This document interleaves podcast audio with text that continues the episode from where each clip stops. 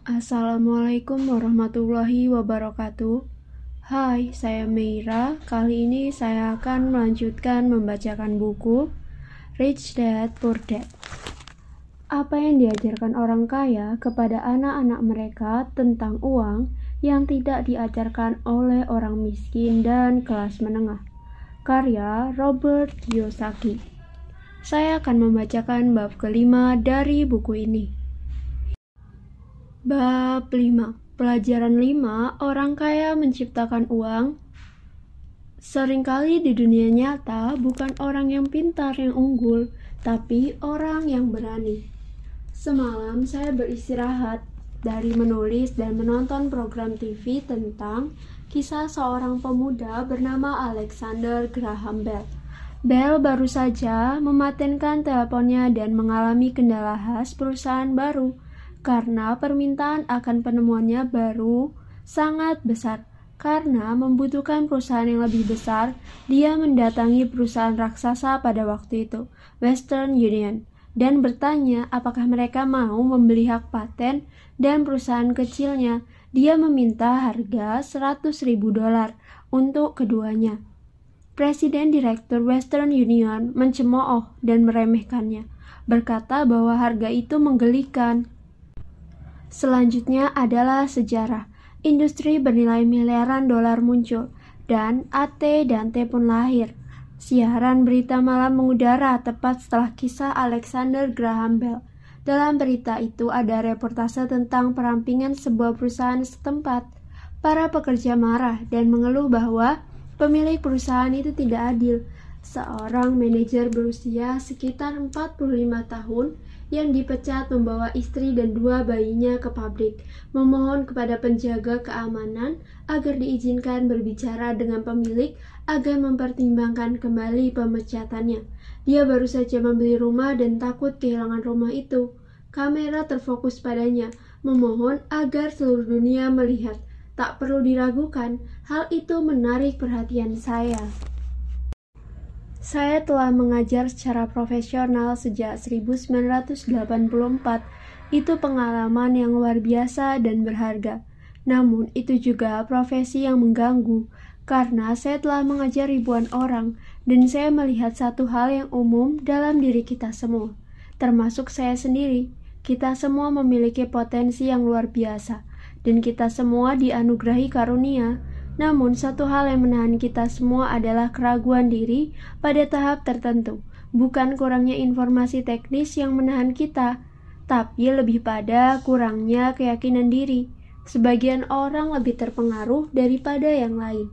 Setelah meninggalkan bangku sekolah, kebanyakan dari kita tahu bahwa yang banyak diperhitungkan bukanlah gelar sarjana atau nilai yang bagus, dalam dunia nyata di luar dunia akademis dituntut sesuatu yang lebih dari sekedar gelar. Saya mendengarnya dengan banyak sebutan, keberanian, bernyali, pintar, terampil, cerdik, gigih, ulet, dan lihai. Faktor-faktor ini apa pun namanya, akhirnya lebih banyak memutuskan masa depan seseorang daripada nilai akademisnya. Di dalam diri kita masing-masing terdapat salah satu karakter berani, lihai, dan gigi itu. Ada juga sisi lain dari karakter itu, orang yang mudah bertekuk lutut dan mengemis jika perlu. Setelah satu tahun di Vietnam sebagai pilot Korps Marinir, saya sangat memahami kedua karakter itu dalam diri saya. Yang satu tidak lebih baik dari yang lain. Namun, sebagai guru, saya mengakui bahwa ketakutan dan keraguan diri yang berlebihan itulah yang paling mengurangi kejeniusan, kejeniusan pribadi. Saya sedih melihat murid-murid mengetahui jawaban pertanyaan saya, tapi tak punya keberanian untuk menerapkannya. Seringkali dalam dunia nyata, bukan orang yang pandai yang unggul, tapi orang yang berani. Berdasarkan pengalaman pribadi saya, kegeniusan keuangan Anda membutuhkan keterampilan teknis sekaligus keberanian. Jika rasa takut terlalu kuat, kegeniusan ditekan. Di kelas, saya sangat mendorong murid-murid saya untuk belajar, mengambil resiko, bersikap berani, dan membiarkan kegeniusan mereka mengubah ketakutan itu menjadi kekuatan serta kelihayan.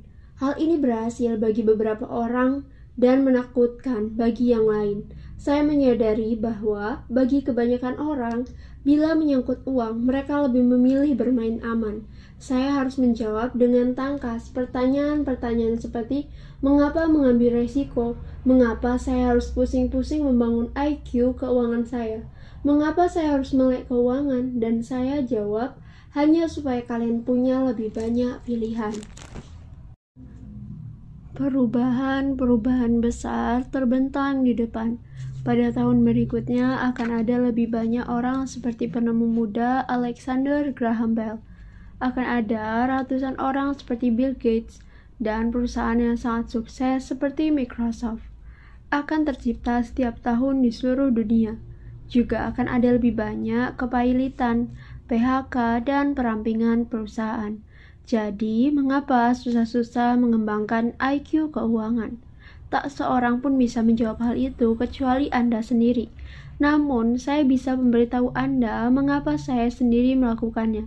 Saya melakukannya karena itu adalah saat yang paling menggairahkan untuk dijalani. Saya lebih menyambut perubahan ketimbang merasa takut pada perubahan. Saya lebih bersemangat menghasilkan uang jutaan dolar daripada mengkhawatirkan tidak adanya kenaikan gaji. Periode yang sedang kita jalani ini adalah saat yang paling menggairahkan. Belum pernah terjadi dalam sejarah dunia kita. Generasi-generasi mendatang akan melihat kembali ke periode ini dan memuji betapa ini adalah era yang paling menggairahkan. Ini adalah saat kematian yang lama dan kelahiran yang baru. Ini adalah saat yang penuh kekacauan sekaligus menggairahkan. Jadi, mengapa susah-susah mengembangkan IQ keuangan Anda? Karena kalau melakukannya, Anda akan sangat kaya, dan jika Anda tidak melakukannya, periode ini akan menjadi sangat menakutkan. Ini akan menjadi saat untuk menyaksikan orang-orang bergerak maju dengan berani, sementara yang lain terperangkap dalam lingkaran kehidupan yang membusuk. 300 tahun lalu tanah subur makmur, jadi orang yang memiliki tanah memiliki kekayaan. Belakangan kekayaan ada di pabrik dan produksi. Dan Amerika pun bangkit untuk berkuasa. Kaum industrialis memiliki kekayaan. Saat ini kekayaan ada dalam informasi. Orang yang memiliki informasi yang paling aktual lah yang memiliki kekayaan. Masalahnya, informasi berterbangan di seluruh dunia dengan kecepatan cahaya. Kekayaan baru tidak bisa ditampung oleh batas-batas dan perbatasan seperti halnya tanah dan pabrik. Perubahan akan menjadi semakin cepat dan dramatis. Akan ada kenaikan jumlah multi jutawan baru yang sangat dramatis. Juga akan ada banyak orang yang tertinggal di belakang. Saat ini saya mendapati begitu banyak orang yang berjuang. Seringkali bekerja keras, bekerja lebih keras, semata karena mereka berpegang teguh pada gagasan lama. Mereka menginginkan segalanya berjalan dan terjadi seperti cara mereka, dan mereka menolak perubahan. Saya kenal orang-orang yang kehilangan pekerjaan atau rumah mereka, dan mereka menyalahkan teknologi atau perekonomian atau atasan mereka. Sayangnya, mereka tidak menyadari bahwa mungkin mereka sendirilah masalahnya. Gagasan-gagasan lama adalah liabilitas terbesar mereka itu merupakan liabilitas semata karena mereka tidak menyadari bahwa walaupun kemarin gagasan atau cara melakukan sesuatu merupakan aset, kemarin sudah berlalu. Suatu siang, saya sedang mengajarkan cara berinvestasi menggunakan papan permainan yang saya ciptakan, cash flow, sebagai alat pengajaran. Seorang teman membawa teman perempuannya untuk ikut menghadiri kelas itu. Teman yang dibawanya itu baru saja bercerai, sangat dirugikan dalam perjanjian perceraian, dan sedang mencari jawaban. Teman saya itu berpikir kelas itu mungkin membantu. Permainan itu didesain untuk membantu orang mempelajari cara kerja uang. Saat memainkannya, mereka belajar tentang interaksi antara laporan penghasilan dan neraca. Mereka belajar bagaimana uang mengalir di antara keduanya dan bagaimana jalan menuju kekayaan ditempuh lewat usaha meningkatkan arus kas bulanan dari kolom aset sampai ke titik yang melampaui pengeluaran bulanan. Begitu mencapainya, Anda mampu keluar dari balap tikus dan masuk ke jalur cepat. Seperti saya katakan sebelumnya, sejumlah orang membenci permainan itu, sebagian menyukainya, dan yang lain tidak menangkap maknanya. Perempuan itu gagal menangkap peluang yang berharga untuk belajar sesuatu. Dalam putaran pembukaan, dia menarik kartu Do That bergambar kapal. Awalnya dia senang, wah saya dapat kapal. Lalu ketika teman yang mengajaknya berusaha menjelaskan bagaimana angka-angka itu bekerja pada laporan penghasilan dan neracanya, dia menjadi frustasi karena tidak pernah menyukai matematika. Sisa tabelnya menanti, sementara temannya terus menjelaskan hubungan antara laporan penghasilan, neraca, dan arus kas bulanan. Tiba-tiba, ketika menyadari bagaimana angka-angka itu bekerja, dia tersadar bahwa kapalnya justru memakannya hidup-hidup. Belakangan, dia juga mengalami PHK dan mempunyai seorang anak. Itu permainan yang mengerikan baginya. Sesuai kelas, temannya mendatangi saya dan berkata bahwa perempuan itu marah. Perempuan itu datang untuk belajar tentang investasi dan tidak suka karena sudah menghabiskan waktu begitu lama untuk memainkan permainan yang bodoh. Temannya berusaha memintanya memandang ke dalam dirinya dan melihat apakah permainan itu dengan suatu cara mencerminkan dirinya. Mendengar saran itu, perempuan tersebut meminta kembali uangnya. Dia berkata pemikiran bahwa semua permainan bisa menjadi cerminan dirinya itu konyol. Uangnya langsung dikembalikan dan dia pergi. Sejak 1984, saya telah menghasilkan jutaan dolar semata dengan melakukan apa yang tidak dilakukan oleh sistem pendidikan.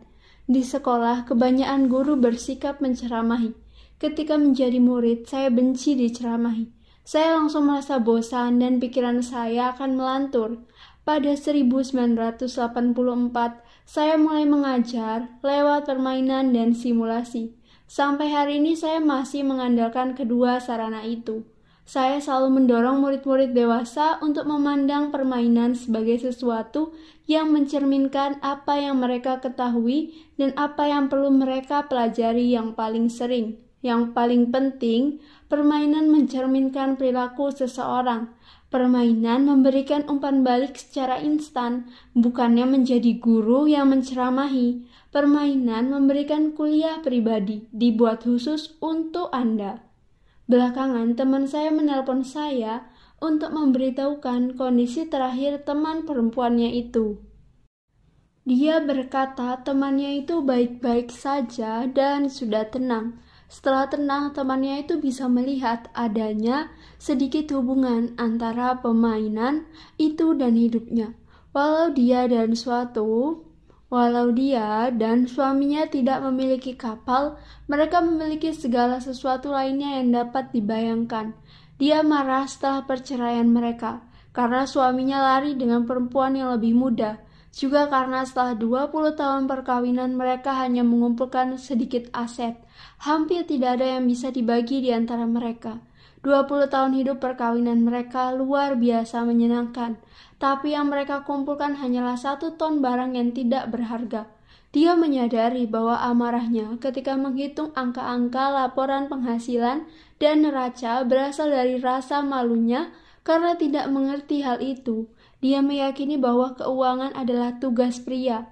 Dia mengurus rumah dan hal-hal yang menyenangkan, sementara suaminya menangani masalah keuangan. Dia sekarang cukup yakin bahwa dalam lima tahun terakhir perkawinan mereka, suaminya menyembunyikan uang darinya. Dia marah pada dirinya sendiri karena tidak lebih waspada akan ke mana perginya uang itu. Seperti halnya dia tidak tahu mengenai perempuan lain itu. Persis seperti papan permainan, dunia selalu memberi kita umpan balik instan. Kita bisa belajar banyak kalau kita lebih banyak mendengarkan. Belum lama ini saya mengeluh kepada istri saya bahwa pembersih rumah telah membuat celana saya mengecil. Istri saya tersenyum lembut dan menepuk perut saya untuk memberitahu bahwa celana itu tidak mengecil, hal lain telah membesar. Permainan cash flow didesain untuk memberikan umpan balik pribadi kepada setiap pemain. Tujuannya adalah memberi Anda pilihan. Jika Anda menarik kartu bergambar kapal dan hal itu menempatkan Anda dalam hutang, pertanyaan adalah, sekarang apa yang bisa Anda lakukan? Berapa banyak pilihan keuangan berbeda yang bisa Anda ajukan? Itulah tujuan permainan tersebut, mengajari pemain berpikir dan menciptakan pilihan-pilihan keuangan yang baru serta beragam. Ribuan orang di seluruh dunia telah memainkan permainan ini. Pemain yang paling cepat keluar dari balap tikus adalah orang yang mengerti angka dan mempunyai pikiran keuangan yang kreatif. Mereka menyadari adanya pilihan-pilihan keuangan yang berbeda. Orang kaya sering kali bersikap kreatif dan mengambil resiko yang sudah diperhitungkan. Orang yang membutuhkan waktu terlama adalah orang yang tidak familiar dengan angka dan sering kali tidak memahami kekuatan investasi. Sejumlah orang yang memainkan cash flow memperoleh banyak uang dari permainan itu, tapi mereka tidak tahu apa yang harus dilakukan dengannya.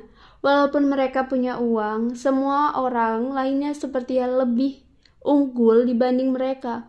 Hal itu terjadi dalam kehidupan nyata. Ada banyak orang yang mempunyai banyak uang dan tidak unggul secara keuntungan, secara keuangan. Membatasi pilihan Anda itu sama seperti bergantung pada gagasan lama. Saya punya teman SMA yang sekarang melakukan tiga pekerjaan. Bertahun-tahun lalu dia yang terkaya di antara semua teman sekelas. Ketika Perkebunan gula setempat ditutup, perusahaan tempat dia bekerja ikut hancur. Di benaknya dia hanya memiliki satu pilihan, dan itu pilihan kuno, bekerja keras. Masalahnya, dia tidak bisa menemukan pekerjaan setara yang mengakui senioritasnya di perusahaan lama. Akibatnya, pekerjaannya sekarang berada di bawah kualifikasi yang dimilikinya jadi gajinya pun lebih rendah. Dia sekarang memiliki tiga pekerjaan agar bisa mendapatkan penghasilan yang cukup untuk bertahan hidup. Saya sudah melihat orang-orang yang bermain cash flow mengeluh, tidak mendapat kartu-kartu peluang yang tepat. Jadi, mereka hanya bisa duduk diam. Saya tahu orang-orang yang melakukan hal itu dalam kehidupan nyata. Mereka menunggu peluang yang tepat.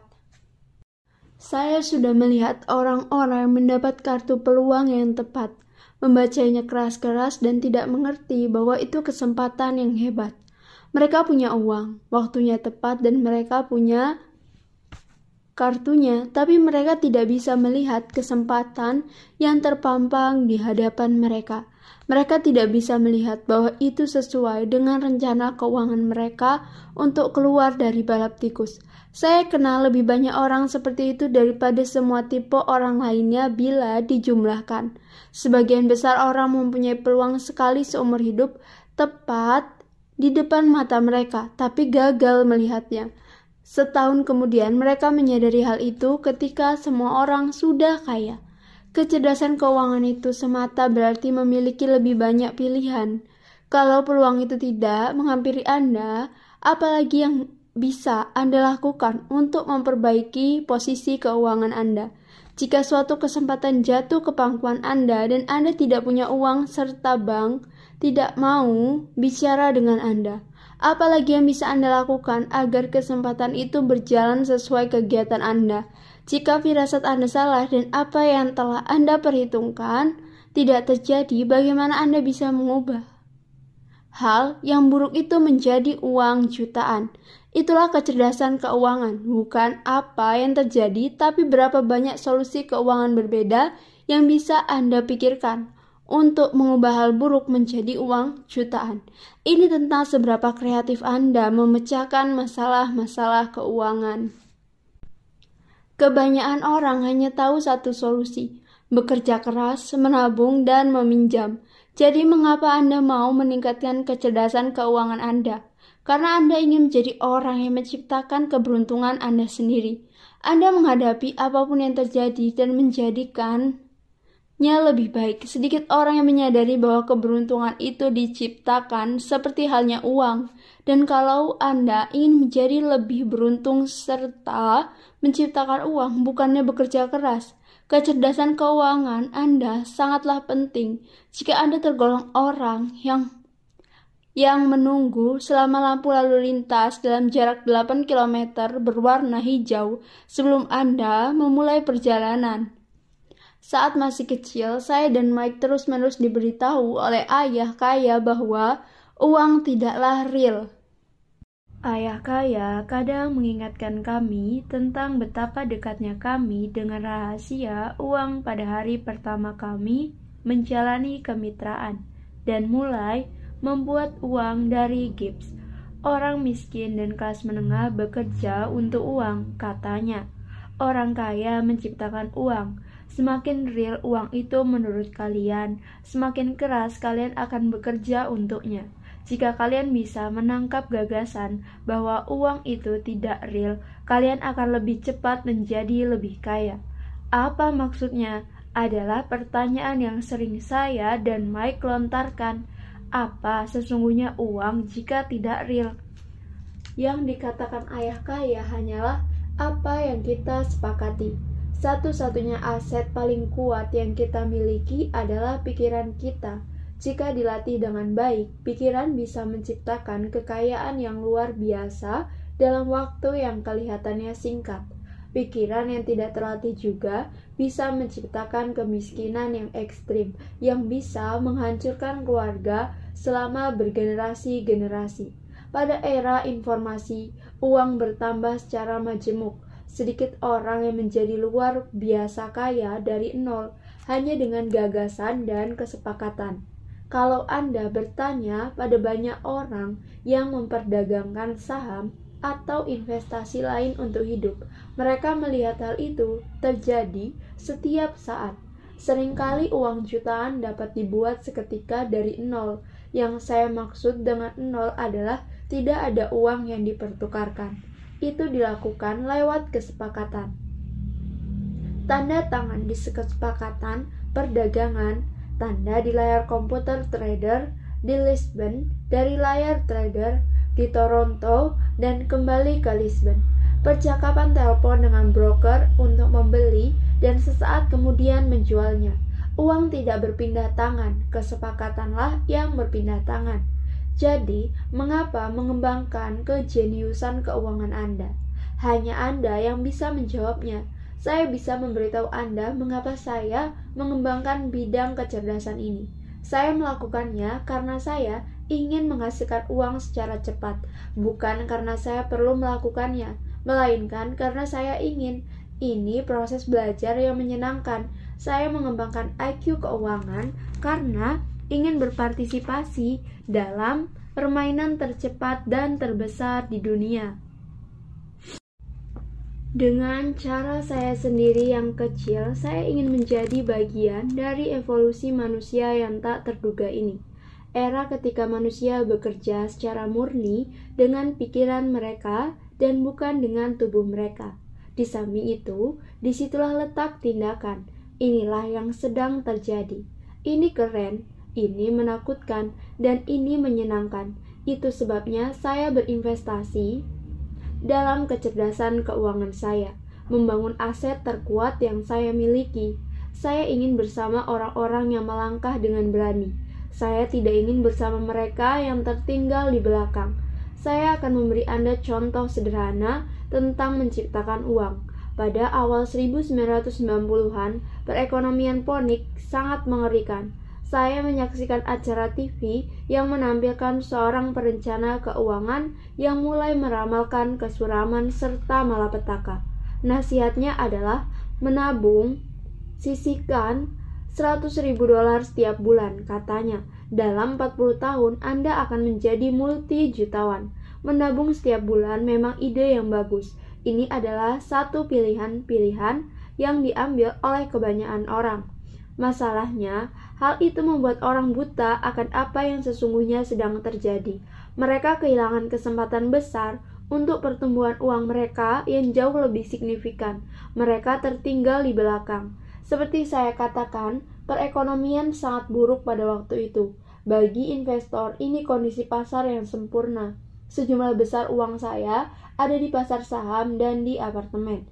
Saya tidak punya uang tunai karena orang menjual rumah mereka, saya membelinya. Saya tidak menabung, saya menginvestasikannya. Saya dan Kim membeli lebih dari sejuta dolar uang tunai yang bekerja di pasar yang sedang tumbuh pesat. Itu peluang terbaik untuk berinvestasi. Perekonomian sangat mengerikan. Saya tidak bisa melewatkan transaksi-transaksi kecil itu. Rumah yang dulu berharga 100 ribu dolar saat itu menjadi 75 ribu dolar. Namun, bukannya membeli di kantor real estate setempat, saya mulai membelinya di kantor pengacara kepailitan atau tangga gedung pengadilan. Di tempat-tempat itu, rumah seharga 75.000 dolar kadang bisa dibeli dengan harga 20.000 dolar atau kurang. Dengan 2.000 dolar yang dipinjamkan oleh seorang teman selama 90 hari dengan bunga 200 dolar, saya memberi si pengacara uang muka, sementara akuisisi diproses. Saya memasang iklan di koran untuk rumah senilai 75.000 dolar dengan harga 60 dolar tanpa uang muka. Telepon berdering tanpa henti. Calon pembeli disaring dengan begitu properti itu sah menjadi milik saya. Semua calon pembeli diizinkan melihatnya. Suasananya sungguh ramai. Rumah itu terjual hanya dalam beberapa menit. Saya meminta biaya 2.500 dolar untuk pemrosesan yang dengan senang hati mereka berikan. Lalu perusahaan escrow mengambil alih. Saya mengembalikan 2.000 dolar kepada teman saya dengan tambahan 200 dolar. Dia senang. Pembeli rumah senang, pengacara senang, dan saya pun senang. Saya menjual rumah seharga 60.000 dolar yang saya beli senilai 20.000 dolar. Uang 40.000 dolar diciptakan dari uang di kolom aset saya dalam bentuk surat pinjaman promissory note dari pembeli. Total waktu kerja 5 jam. Karena Anda sekarang sedang dalam perjalanan menjadi lebih melek keuangan dan ahli membaca angka, saya akan menunjukkan mengapa ini adalah salah satu contoh bagaimana uang diciptakan. 40.000 dolar diciptakan di kolom aset uang diciptakan tanpa dikenai pajak dengan bunga 10% dari 4.000 dolar setahun dalam arus kas ditambah ke penghasilan terdapat gambar silakan lihat pada layar Ketika pasar sedang lesu, saya dan Kim mampu melakukan enam transaksi sederhana itu dalam waktu luang kami. Sementara sebagian besar uang kami berada dalam properti dan pasar saham yang lebih besar. Kami mampu menciptakan lebih dari 190 ribu dolar dalam aset dengan bunga 10%. Dalam keenam transaksi, membeli, menciptakan, dan menjual. Itu itu kira-kira penghasilan sebesar 19.000 dolar setahun yang kebanyakan berlindung dalam korporasi pribadi kami. Hampir semua dari 19.000 dolar setahun itu dipakai untuk membayar mobil perusahaan, bahan bakar, perjalanan, asuransi, santap malam dengan klien, dan hal-hal lain. Saat pemerintah mendapat kesempatan untuk mengenakan pajak, Atas penghasilan itu, uang tersebut sudah dibelanjakan berdasarkan pengeluaran perpajakan, pengeluaran prapajak yang diizinkan secara hukum. Berapa banyak penghasilan yang Anda dapatkan kalau pemerintah mengambil 50%-nya dalam pajak? Berapa lama yang Anda perlukan untuk menabung sebanyak 40.000 dolar? Terdapat gambar, saya akan menyajikannya pada layar. Ini contoh sederhana tentang bagaimana uang ditemukan, diciptakan, dan dilindungi dengan menggunakan kecerdasan keuangan. Tanyakan pada diri Anda, berapa lama yang Anda butuhkan untuk menabung 190 ribu dolar? Apakah bank akan memberi Anda bunga 10%? Surat pinjaman itu berlaku selama 30 tahun. Saya harap mereka tidak pernah mengembalikan sebesar 190 ribu dolar saya harus membayar pajak kalau mereka mengembalikan nilai pokoknya. Lagi pula, 19.000 dolar yang dilunasi selama 30 tahun hanya bernilai sekitar sedikit di atas 500.000 dolar. Ada yang bertanya, apa yang terjadi jika orang-orang itu tidak membayar? Itu memang terjadi dan itu kabar gembira, rumah seharga 60 ribu dolar itu bisa diambil kembali dan dijual lagi seharga 70 ribu dolar dengan 2.500 ribu dolar sebagai biaya proses pinjaman. Di benak pembeli baru, itu masih merupakan transaksi tanpa uang muka. Proses itu akan terus berlanjut saat menjual rumah itu. Untuk pertama kali, saya mengembalikan 2000 dolar yang saya pinjam. Jadi secara teknis tidak ada uang saya dalam transaksi itu. Laba atas investasi. ROI, Return on Investment. Saya tak terbatas. Ini contoh uang dalam jumlah besar yang dihasilkan tanpa modal uang. Dalam transaksi kedua, ketika menjual kembali, saya sudah mengantongi 2000 dolar dalam dompet dan memperpanjang kembali pinjaman itu sampai 30 tahun. Bagaimana ROI atau return on investment saya kalau saya mendapat bayaran untuk menghasilkan uang? Saya tidak tahu, tapi angkanya jelas melebihi tabungan 100 dolar sebulan yang seharusnya menjadi awalnya 150 dolar karena merupakan penghasilan setelah pajak selama 40 tahun dengan bunga yang rendah. Sekali lagi, Anda dikenai pajak atas bunga itu, itu tidak terlalu pintar. Mungkin aman, tapi tidak pintar. Beberapa tahun kemudian, saat pasar real estate ponik menguat, menguat, rumah-rumah yang kami jual sebesar 60 ribu dolar itu menjadi bernilai 110 ribu dolar. Peluang penyitaan masih ada, tapi jarang. Aset saya yang berharga, waktu saya akan tersita kalau saya mencarinya. Ribuan pembeli mencari sedikit transaksi yang tersedia. Pasar sudah berubah, sudah saatnya untuk melangkah maju dan mencari peluang-peluang lain untuk dimasukkan ke kolom aset. Anda tidak bisa melakukannya di sini. Itu bertentangan dengan hukum. Anda bohong. Saya jauh lebih sering mendengar komentar-komentar itu daripada bisakah Anda menunjukkan kepada saya cara melakukannya. Hitung-hitungannya sederhana. Anda tidak butuh aljabar atau kalkulus. Perusahaan escrow yang menangani transaksi legal dan melayani pembayaran. Tak ada atap yang perlu diperbaiki atau toilet yang tersumbat karena pemilik rumah yang mengurusnya. Itu rumah mereka. Kadang orang tidak membayar, dan itu luar biasa karena ada biaya untuk keterlambatan atau mereka pindah dan properti itu dijual lagi. Sistem pengadilan menanganinya. Hal itu mungkin tidak bisa dilakukan di daerah Anda. Kondisi pasar mungkin berbeda, namun contoh itu menggambarkan bagaimana proses keuangan yang sederhana bisa menciptakan ratusan ribu dolar dengan sedikit uang dan resiko rendah. Ini contoh uang yang hanya berbentuk perjanjian. Siapa pun yang memiliki pendidikan SMA bisa melakukannya. Namun, kebanyakan orang tidak melakukannya. Kebanyakan orang mengikuti nasihat standar, bekerja keras, dan menabung. Untuk sekitar 30 jam kerja, sekitar 190 ribu dolar diciptakan dari kolom aset dan tanpa pajak yang dibayarkan. Mana yang terdengar lebih sulit bagi Anda? Yang pertama, bekerja keras, membayar pajak sekitar 50%, menabung sisanya, tabungan Anda kemudian mendapat bunga 5% yang juga dikenai pajak atau yang kedua, meluangkan waktu untuk mengembangkan kecerdasan keuangan Anda, mendaya gunakan kekuatan otak dan kolom aset Anda. Kalau mengambil pilihan pertama, pastikan Anda memperhitungkan waktu yang Anda butuhkan untuk menabung sebanyak 190 ribu dolar. Waktu adalah salah satu aset terbesar Anda. Sekarang Anda mungkin mengerti mengapa saya diam-diam menggeleng-geleng ketika mendengar para orang tua berkata anak saya mendapat nilai baik di sekolah dan menerima pendidikan yang baik. Mungkin itu baik, tapi apakah cukup? Saya tahu strategi investasi itu adalah strategi kecil. Itu digunakan untuk menggambarkan bagaimana yang kecil bisa tumbuh menjadi besar. Sekali lagi, keberhasilan saya mencerminkan pentingnya fondasi keuangan yang kuat, yang dimulai dengan pendidikan keuangan yang kuat.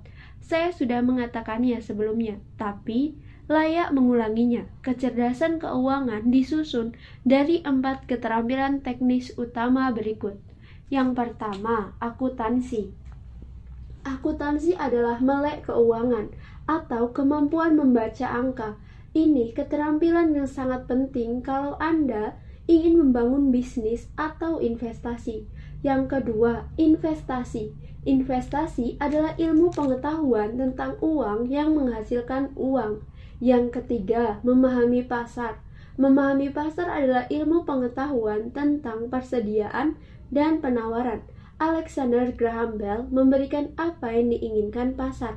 Begitu pula Bill Gates Rumah seharga 75 ribu dolar yang ditawarkan dengan harga 60 ribu dolar dan sebelumnya saya beli seharga 20 ribu dolar juga hasil dari merebut peluang yang diciptakan oleh pasar. Seseorang membeli dan seseorang menjual. Yang keempat, hukum. Hukum adalah kesadaran akan akuntansi, korporasi, serta aturan daerah dan negara saya merekomendasikan Anda bermain sesuai peraturan. Fondasi dasar atau kombinasi keterampilan inilah yang dibutuhkan untuk berhasil dalam mengejar kekayaan, entah dengan membeli rumah, apartemen, perusahaan, saham, obligasi, reksadana, logam mulia, kartu bisbol, atau semacamnya. Beberapa tahun kemudian, pasar real estate menggeliat kembali dan semua orang terjun ke dalamnya. Pasar saham sedang berkembang pesat dan setiap orang terjun ke sana. Perekonomian Amerika Serikat kembali melaju. Saya mulai menjual dan sekarang melakukan perjalanan bisnis ke Peru, Norwegia, Malaysia, dan Filipina. Ranah investasi telah berubah kami tak lagi membeli real estate. Sekarang, saya hanya mengawasi harga-harga merangkak naik dalam kolom aset dan mungkin akan mulai menjual. Saya menduga beberapa dari transaksi enam rumah kecil itu akan terjual dan surat pinjaman sebesar 40 ribu dolar akan berubah menjadi uang tunai. Saya perlu memanggil akuntan saya agar siap menerima uang tunai dan mencari cara untuk melindunginya. Poin yang ingin saya sampaikan adalah bahwa investasi datang dan pergi, pasar naik dan turun, perekonomian tumbuh dan hancur. Dunia selalu menawari Anda peluang seumur hidup setiap hari dalam hidup Anda, tapi sangat sering kita tidak bisa melihatnya. Namun, peluang itu ada. Semakin dunia berubah, semakin teknologi berubah, semakin ada peluang bagi Anda dan keluarga untuk berada dalam kondisi terjamin secara keuangan selama generasi-generasi yang akan datang. Jadi, mengapa repot-repot mengembangkan kecerdasan keuangan Anda? Sekali lagi, hanya Anda yang bisa menjawabnya. Saya tahu mengapa saya terus belajar dan mengembangkannya. Saya melakukannya karena saya tahu ada banyak perubahan yang akan terjadi saya lebih suka menyambut perubahan daripada bergantung pada situasi masa lalu. Saya tahu pasar akan tumbuh dan pasar akan hancur. Saya ingin terus-menerus mengembangkan kecerdasan keuangan saya karena pada setiap perubahan pasar, sejumlah orang akan berlutut mengemis pekerjaan untuk mereka. Sementara itu, yang lain akan menerima situasi buruk yang disodorkan kehidupan kepada mereka dan kadang kita semua disodori situasi buruk, serta mengubahnya menjadi uang jutaan. Itulah kecerdasan keuangan. Saya sering ditanya tentang situasi buruk yang saya ubah menjadi uang jutaan. Saya ragu menggunakan lebih banyak contoh investasi pribadi karena saya takut dikira membual. Bukan itu tujuan saya. Saya menggunakan contoh semata sebagai ilustrasi numerik dan kronologis dari kasus-kasus aktual serta sederhana. Saya menggunakan contoh karena saya ingin Anda tahu bahwa itu mudah. Semakin familiar Anda dengan empat pilar kecerdasan keuangan, akan semakin mudah jadinya.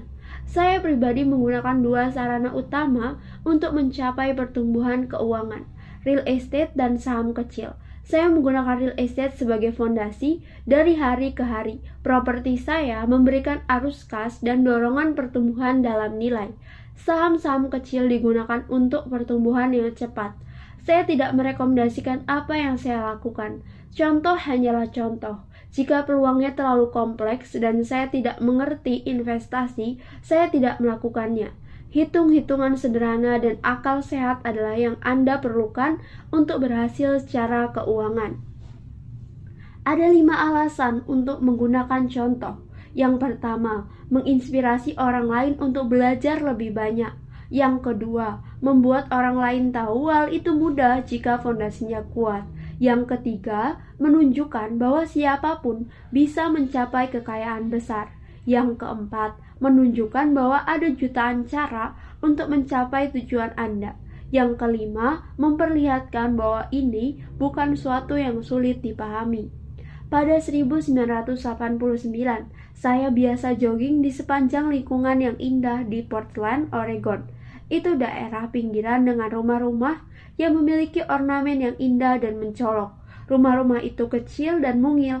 Saya hampir mengira akan melihat gadis kecil bertudung merah berjalan riang ke rumah nenek.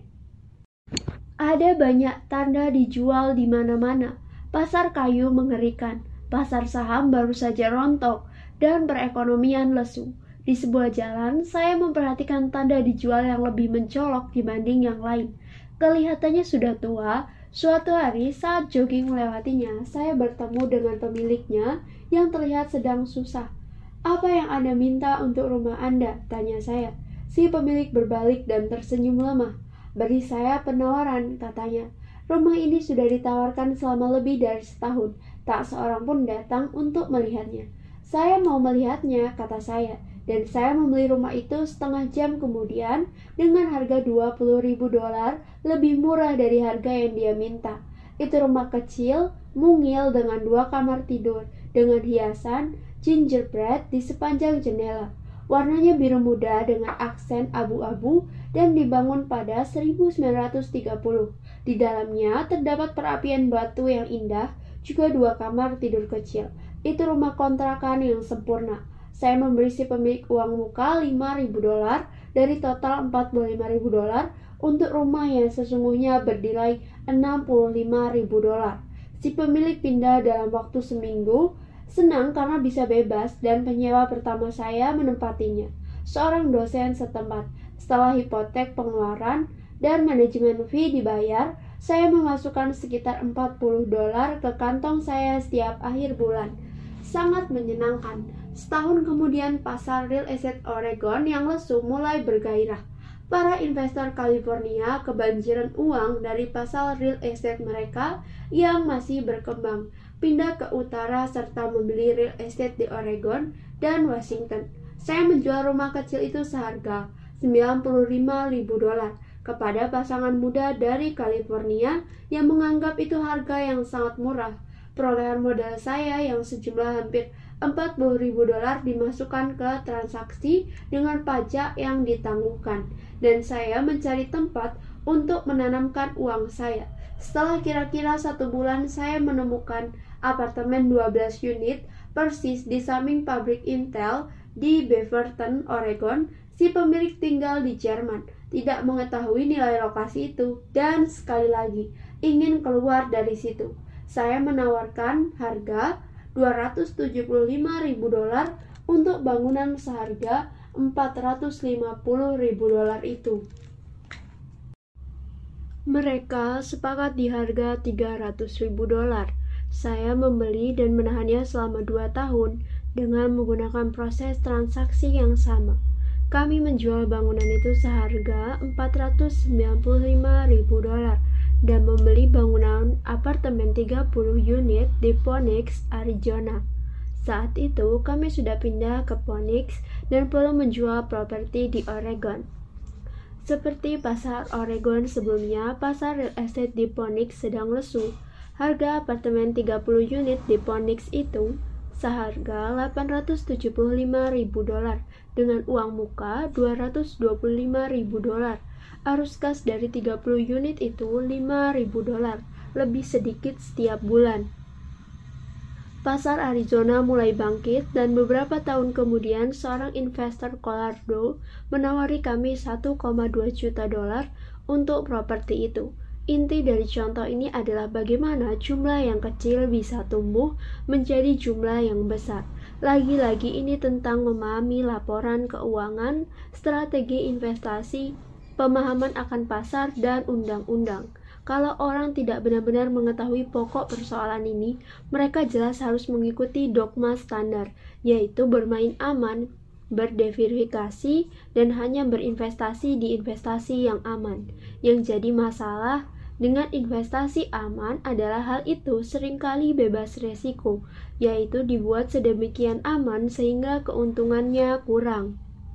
Kebanyakan broker properti besar tidak akan menyentuh transaksi spekulatif untuk melindungi diri mereka sendiri dan klien mereka. Itu kebijakan yang bijaksana. Transaksi yang sangat menguntungkan tidak ditawarkan pada orang baru Seringkali transaksi terbaik yang membuat orang kaya semakin kaya disediakan untuk mereka yang memahami permainan itu. Secara teknis ilegal menawarkan transaksi spekulatif itu kepada orang yang dianggap tidak canggih, tapi tentu saja hal itu terjadi. Semakin canggih saya, semakin banyak peluang yang datang kepada saya. Alasan lain untuk mengembangkan kecerdasan keuangan Anda seumur hidup adalah semata karena ada lebih banyak peluang yang disodorkan kepada Anda, dan semakin besar kecerdasan keuangan Anda, semakin mudah mengatakan apakah suatu transaksi itu baik. Kecerdasan Anda lah yang bisa melihat bahwa suatu transaksi buruk atau membuat transaksi yang buruk menjadi baik Semakin banyak saya belajar dan ada banyak hal untuk dipelajari. Semakin banyak uang yang saya hasilkan semata karena seiring waktu saya memperoleh pengalaman dan kebijaksanaan. Saya punya teman yang bermain aman, bekerja keras di profesi mereka, dan gagal memperoleh kebijaksanaan keuangan yang membutuhkan waktu untuk mengembangkannya. Filosofi saya secara keseluruhan adalah menanam benih-benih di kolom aset saya. Itu rumus yang saya terapkan. Saya mulai dari yang kecil dan menanam benih. Sebagian tumbuh, sebagian tidak. Korporasi real estate saya mempunyai properti yang bernilai beberapa juta dolar. Itulah rate kami Real Estate Investment Trust. Poin yang ingin saya sampaikan adalah sebagian besar dari nilai jutaan itu dimulai dari investasi kecil, 5.000 dolar sampai 10.000 dolar. Semua uang muka itu mujur dapat menangkap pasar yang berkembang cepat dan tumbuh secara bebas pajak. Kami membeli dan menjual beberapa kali selama beberapa tahun. Kami juga memiliki portofolio saham dilindungi oleh korporasi yang saya dan Kim sebut reksadana pribadi kami. Kami punya teman yang bertransaksi terutama dengan investor seperti kami, yang memiliki uang lebih untuk diinvestasikan setiap bulan. Kami membeli perusahaan-perusahaan pribadi beresiko tinggi dan penuh spekulasi yang hampir go publik di bursa saham di Amerika atau Kanada. Contoh tentang betapa cepatnya keuntungan bisa diperoleh adalah 100 ribu saham dibeli dengan harga 25 sen dolar per lembar sebelum go publik. Enam bulan kemudian perusahaan itu masuk ke bursa dan 100 ribu saham itu sekarang berharga 2 dolar per lembar. Jika perusahaan itu dikelola dengan baik, harganya akan naik terus dan saham itu bisa mencapai 20 dolar atau lebih per lembar. Ada tahun-tahun ketika 25 ribu dolar kami berubah menjadi jutaan dolar dalam kurang dari setahun. Ini bukan judi. Jika Anda tahu apa yang sedang Anda lakukan, ini menjadi judi jika Anda semata melempar uang Anda ke suatu transaksi dan berdoa. Gagasan intinya adalah menggunakan pengetahuan teknis, kebijaksanaan, dan kesenangan akan permainan itu untuk memangkas rintangan, mengecilkan resiko.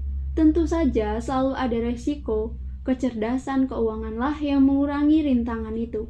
Oleh karenanya, apa yang beresiko bagi seseorang bisa jadi kurang beresiko bagi orang lain. Itulah alasan utama saya terus-menerus mendorong orang untuk berinvestasi lebih banyak dalam pendidikan keuangan mereka daripada dalam saham, real estate, atau pasar-pasar lain. Semakin pandai Anda, semakin besar peluang Anda untuk mengalahkan rintangan.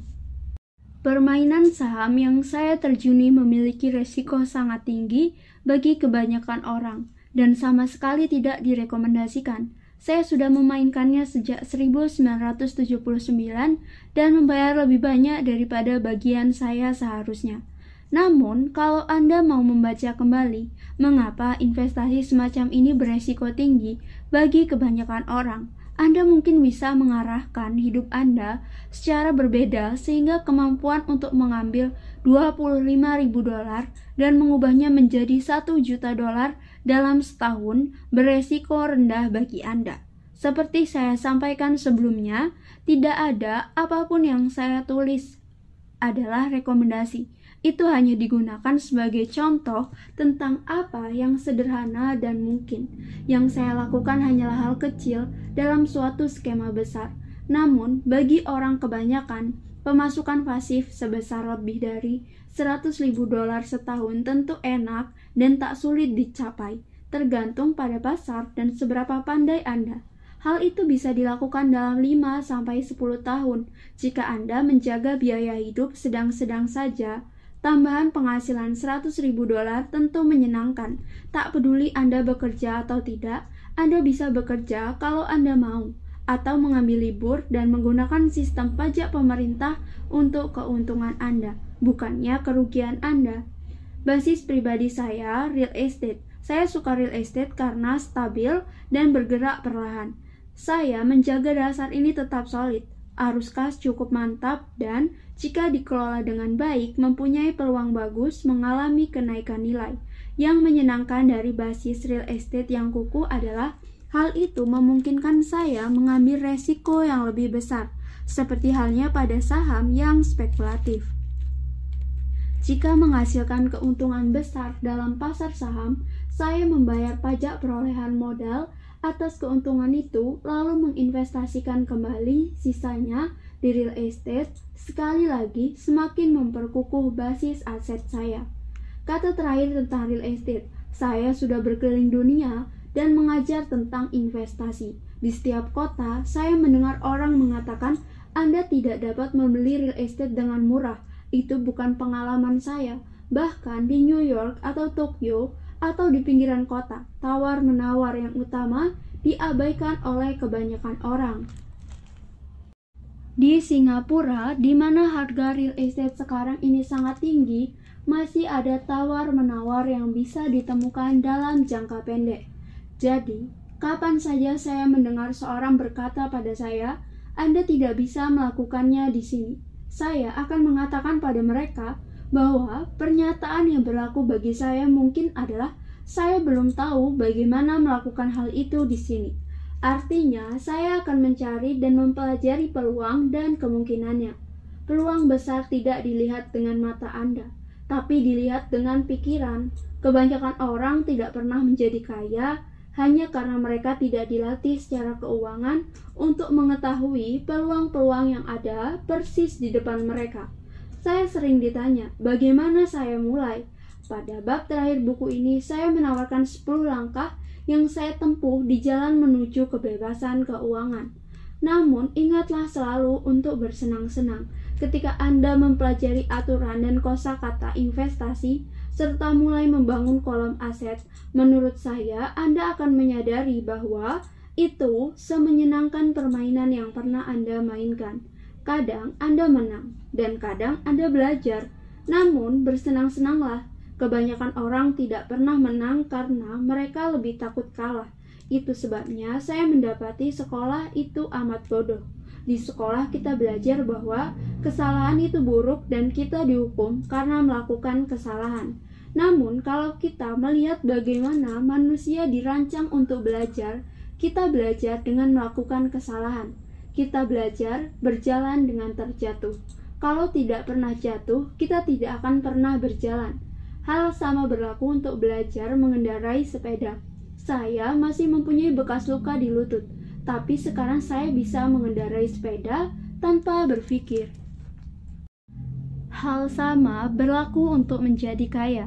Sayangnya, alasan utama kebanyakan orang tidak kaya adalah karena mereka takut kalah. Para pemenang tidak takut kalah, namun pecundang takut kalah. Kegagalan adalah bagian dari proses keberhasilan. Orang yang menghindari kegagalan juga menghindari keberhasilan. Saya memandang uang seperti saya memandang permainan tenis. Saya bermain keras, melakukan kesalahan, dibetulkan, melakukan kesalahan lagi, dibetulkan lagi, dan menjadi semakin baik. Kalau kalah dalam pertandingan, saya mengulurkan tangan, menjabat tangan lawan, tersenyum dan berkata, "Sampai ketemu Sabtu depan." Ada dua macam investor. Yang pertama, tipe yang pertama dan paling umum adalah orang yang membeli investasi dalam bentuk paket. Mereka mendapat outlet retail seperti perusahaan real estate, pialang saham, atau perencanaan keuangan, dan mereka membeli sesuatu. Bisa jadi itu reksadana, rate, saham, atau obligasi. Ini cara investasi yang bersih dan sederhana. Analoginya adalah orang yang pergi ke toko komputer dan membeli komputer langsung dari rak. Tipe yang kedua adalah investor yang menciptakan investasi. Investor ini biasanya memasang transaksi serupa dengan orang yang membeli komponen komputer dan merakitnya. Saya sama sekali tidak tahu cara merangkai komponen komputer, tapi saya tahu cara menyatukan potongan-potongan peluang atau tahu orang yang bisa melakukannya. Tipe investor kedua inilah yang merupakan investor yang lebih profesional. Kadang butuh waktu bertahun-tahun untuk menyatukan semua potongan itu. Dan kadang hal itu terjadi oleh ayah kaya. Saya didorong menjadi tipe investor kedua ini. Penting untuk belajar menyatukan potongan-potongan itu, karena di situlah terdapat kemenangan besar dan kadang kekalahan besar jika gelombang pasang menghantam Anda. Kalau ingin menjadi tipe investor kedua, Anda perlu mengembangkan tiga keterampilan utama. Yang pertama, menemukan peluang yang dilewatkan oleh semua orang. Anda melihat dengan pikiran Anda apa yang dilewatkan oleh orang lain dengan mata mereka. Sebagai contoh, seorang teman membeli sebuah rumah tua yang kondisinya sangat jelek. Rumah itu sangat menyeramkan. Setiap orang bertanya-tanya mengapa dia membelinya. Apa yang dia lihat, tapi tidak kami lihat adalah rumah itu mempunyai empat kampling kosong ekstra dia menyadarinya setelah pergi ke title company, perusahaan yang meneliti surat-surat properti untuk menentukan keabsahannya. Setelah membeli rumah itu, dia meruntuhkannya dan menjual kelima keping, kelima kampling itu kepada seorang pembangun dengan harga tiga kali lipat yang dia bayarkan saat membeli. Dia mendapat 75 ribu dolar untuk kerja selama dua bulan. Itu bukan uang yang banyak, tapi jelas lebih besar dari upah minimum. Secara teknis, itu juga tidak sulit. Yang kedua, mengumpulkan uang. Orang kebanyakan hanya pergi ke bank. Tipe investor kedua perlu tahu cara mengumpulkan modal dan ada banyak cara yang tidak membutuhkan bank. Sebagai permulaan, saya belajar membeli rumah tanpa bantuan bank. Keahlian yang saya pelajari untuk mengumpulkan uanglah lebih dari rumah itu sendiri yang tak ternilai. Begitu sering saya mendengar orang berkata, bank tidak akan meminjamkan uang pada saya, atau saya tidak punya uang untuk membelinya. Kalau ingin menjadi investor tipe 2, Anda perlu mempelajari cara melakukannya, yang membuat sebagian besar orang berhenti. Dengan kata lain, mayoritas orang membiarkan kurungannya uang menghentikan mereka dari melakukan transaksi kalau bisa mengatasi rintangan itu, Anda akan jauh lebih unggul daripada mereka yang tidak mempelajari keterampilan itu. Berkali-kali saya membeli rumah, saham, atau apartemen tanpa uang sepeser pun di bank. Saya pernah membeli apartemen seharga 1,2 juta dolar. Saya melakukan apa yang disebut tying it up dengan kontrak tertulis antara penjual dan pembeli. Saya kemudian mengumpulkan deposit sebesar 100 ribu dolar yang memberi saya waktu 90 hari untuk mengumpulkan sisanya. Mengapa saya melakukannya? Semata karena saya tahu apartemen itu bernilai 2 juta dolar.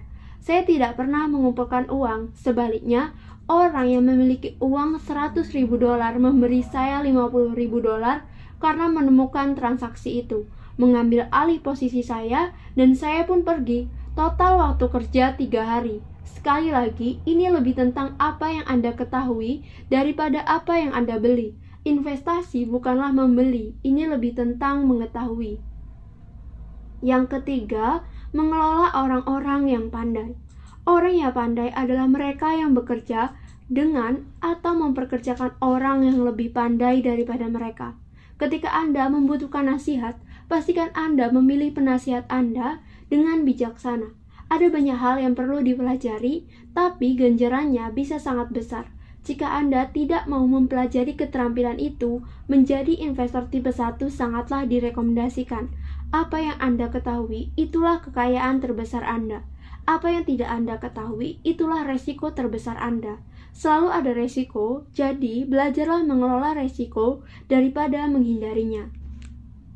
Baiklah, bagian kali ini telah usai. Terima kasih untuk teman-teman yang telah mendengarkan. Semoga mendapat banyak hal bermanfaat dari buku ini. Bagi teman-teman yang ingin memberi saran atau merekomendasikan buku untuk dibaca, bisa disampaikan melalui kolom komentar. Terima kasih, sampai jumpa di audiobook selanjutnya. Wassalamualaikum warahmatullahi wabarakatuh.